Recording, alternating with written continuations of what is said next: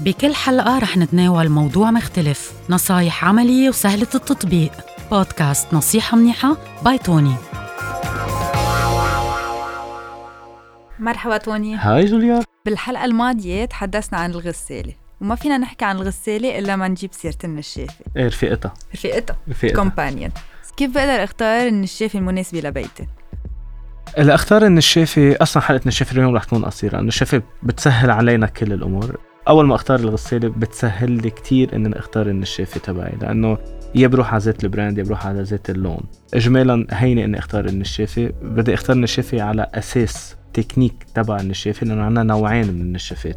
يا عم نحكي عن نشافة ال exhaust أو ال condenser. ال exhaust هي النشافة بمفهوم نحن بنشوفها اللي بتكب هواء لبرات البيت. so أنا إذا اليوم كان بيتي معد أو عم بحط النشافة على البلكون وقادر إني أفتح لها النبريج تبعها لتكب هواء السخن لبرات البلكون so نحن بنروح على ال exhaust okay. إذا في حال ما عندي هيدا هيدا ال option بدي أروح على ال condenser اللي هي النشافه اللي بتكب المي بتحولهم ترجع لمي وبتحطهم بقلب جارور.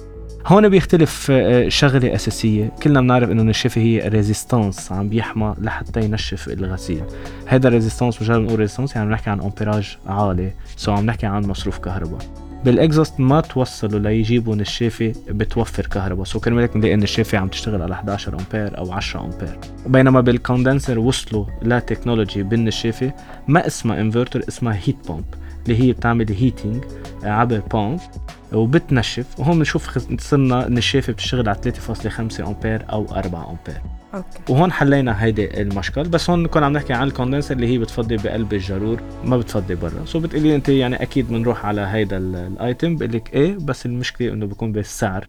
لأنه الأكيد ال heat pump وال condenser رح تكون أغلى بضرب اوقات ثلاث مرات أو أربع مرات من النشافة العادية. خلينا على ال exhaust so خلينا على ال exhaust وأكيد بدنا نطلع على كم كيلو عم نجيب النشافة تبعنا لأنه كمان بيختلف بالكيلوغرام لأنه النشافة بتنشرى بالكيلو مثل الغسالة 6 7 8 أو 10 كيلوغرام. okay. طيب كيف أنا بقدر حافظ على النشافة تبعي؟ لحافظ على النشافة تبعي وعلى الغسيل بقلب النشافة. كتير مهم إن أعرف أول شيء في بعض الغسيل ما بيحمل حرارة الغسيل so هيك بنشوفه نزمه بدي أعرف شو الغسيل اللي عم بحطه تنشفه بقلب النشافة. okay. النشافة كتير مهم إني نظفها على طول وخطرة إني ما نظفتها لأنه اليوم النشافة معقول تسبب لأني توصل لحريق بقلب البيت.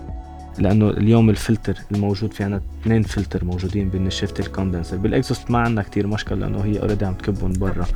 بينما النشافه ال condenser اللي هي بتاخد أكثر بالحلقة اليوم رح نحكي عنهم.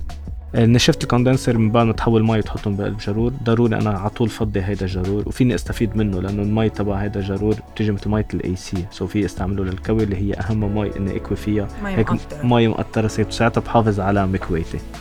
كثير مهم إني على طول أفتح النشافه من بعد ما تخلص الدورة تبعها آه، مش بس لحافظ على النشافه لحافظ على الغسيل. لأنه إذا ما فتحتها هيدي المي رح ترجع تعمل retour وترجع. كرمال هيك إذا أنا خلصت دورة التنشيف وما فتحت الباب بعد فترة رح أرجع اشيل الغسيل وشوفه إنه مرطب. كرمال هيك ضروري إني آخذ النشافه دغري أفتح باب النشافه أو أنا وعم بشتري النشافه اطلع على نشافات فيهم هيدي ال option لأنه هي لما تخلص بيفتح بابها.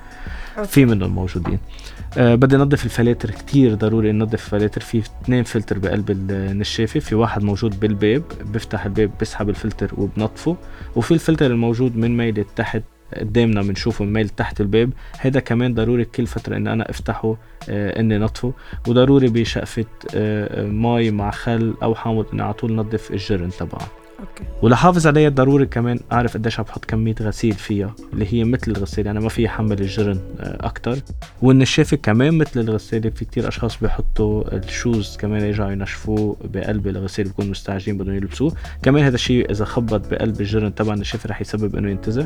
so يا بدنا نستعمل الكيس تبع ال shoes يا أما في طريقة كمان مهضومة اللي هي إنه شرايط الحبال تبع ال shoes فيه يحطهم برات الباب وسكر الباب عليها. so هيك بكون عم بعمل له التنشيف جوا بال heating آه، وبلا ما يكون ال shoes عم بيبرم بالجرن so هيك أنا كمان بحافظ على. الجرن تبعه so كرمال هيك آه، حلقتنا اليوم ما رح تكون كتير طويل لأن النشافة ما فيها كتير آه، معلومات إنه نعطيها. لأنه اختيارها منه كتير صعب. يا exhaust يا condenser يا heat pump يا انها عاديه وأهم شغلة ال tips اللي نحن مثل ما حكينا عن إنه أنا كيف حافظ عليها بإني نظفها وما إني آه، أضغط الجرن آه، تبع النشافه okay حضرتك ذكرت بسياق الحديث إنه عن الحرايق اللي ممكن تسببها النشافة. please فينا نرجع لهيدي النقطة لأن وهيدي ضروري صح لأنه منا منا مزحة وخطرة لأنه اليوم النشافة عم تسحب الوبر وعم تسحب آه، الوبر اللي عم يطلع من الغسيل عم يجي بقلب الفلتر. so أنا إذا ما نظفت الفلتر يعني أنا صار في عندي قماش جوا. so أوقات على ال resistance العالي والحرارة العالية معقول إنها تولع هيدا الوبر اللي نحن مجمعين عبر الفلتر. so إذا ولعت يعني نحن رح تكون سبب. واجمالا إذا كانت النشافة محطوطة على البلكون حد شي محل أو بالمطبخ. so هيدا الشيء رح يسبب إنه يعمل حريقة بقلب بيتنا ونحن بغنى عنها كرمال هيك إيه هيدا سبب الحريق لأنه في resistance عم بيحمى. ولما يحمى resistance مثل resistance الدفاية. so لما يحمى وقربت عليه قماش so رح ياخد نار وهذا الشيء رح يسبب إنها تحترق. فكرمال هيك إيه كتير مهم إنه أنا نظف النشافة لحتى نتجنب هيدي المشكلة. Okay. Merci كتير. صحيح إنه الحلقة صغيرة بس المعلومات فيها بس معلومات مهمة فيها. كتير. إيه أنا بدي أشكرك جوليا وبدي أشكر المشاهدين وبتمنى كل مرة إنه يكونوا عن جد عم يستفيدوا معنا بال tips عم نعطيهم بنصيحة منيحه مع توني. إذا الله راد. آه خليكم معنا لحلقة جمعة الجاي. رح تكون عن ال cooking range أو الأفران. رح تتضمن كل شيء بتحبوا تعرفوه. أكيد إذا عندكم أي أسئلة فيكم تتواصلوا مع توني على ال direct message أو تتركوا review على Apple Podcast thank you. Thank you.